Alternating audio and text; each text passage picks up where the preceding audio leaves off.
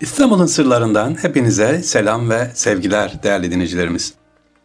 Efendim İstanbul'un sırlarında dediğim gibi sizden gelen talep üzerine yine soru sormaya devam ediyoruz programımızda.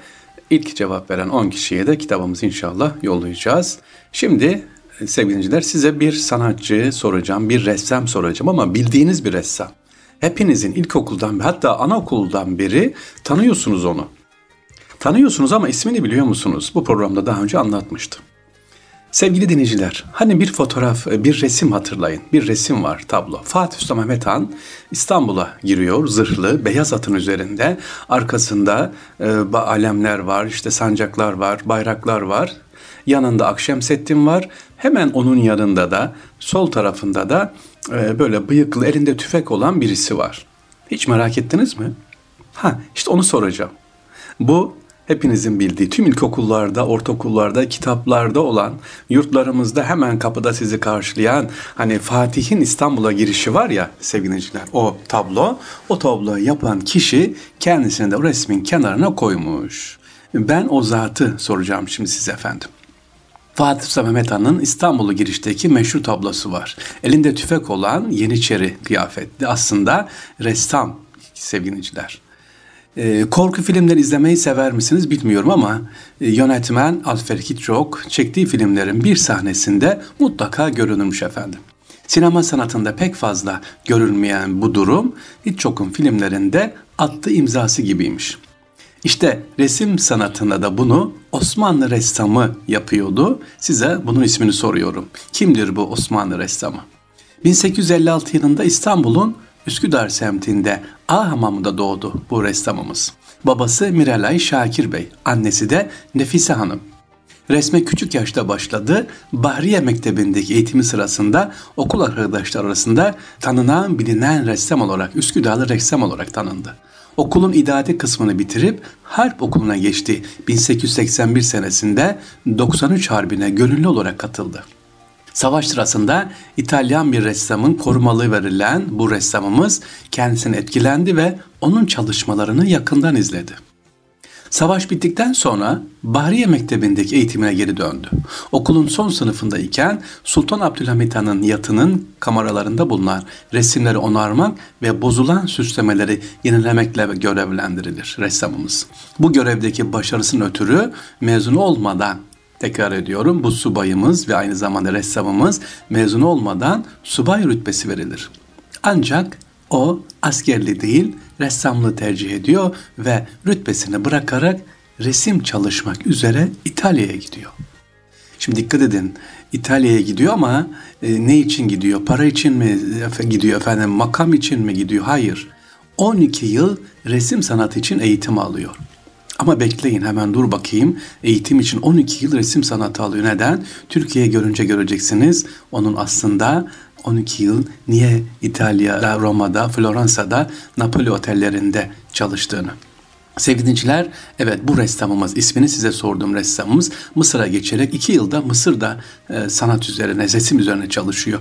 12 yıldan sonra Türkiye'ye döndüğünde kendisine rütbesi geri verilmek istendiyse de kabul etmiyor. Edirne Karaağaç'ta bir atölye kurup çalışmalarına orada devam ediyor. Ha işte burada esas çalışma şimdi başlıyor.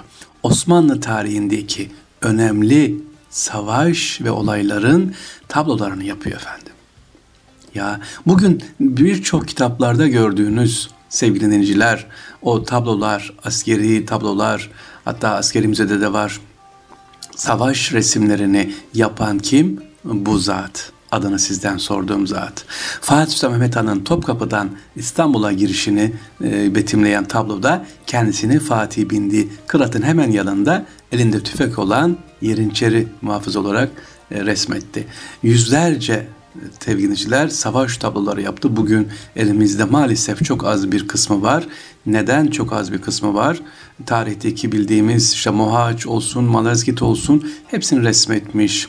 Ama çok azı var. Niye? Çünkü kendisi Edirne'de çeşitli okullarda öğretmenlik yaptı. Riyaziyeci Mehmet Nadir Bey'in kurucusu olduğu Numune-i Terakki Mektebi'nin Edirne şubesini kurdu ve yönetti.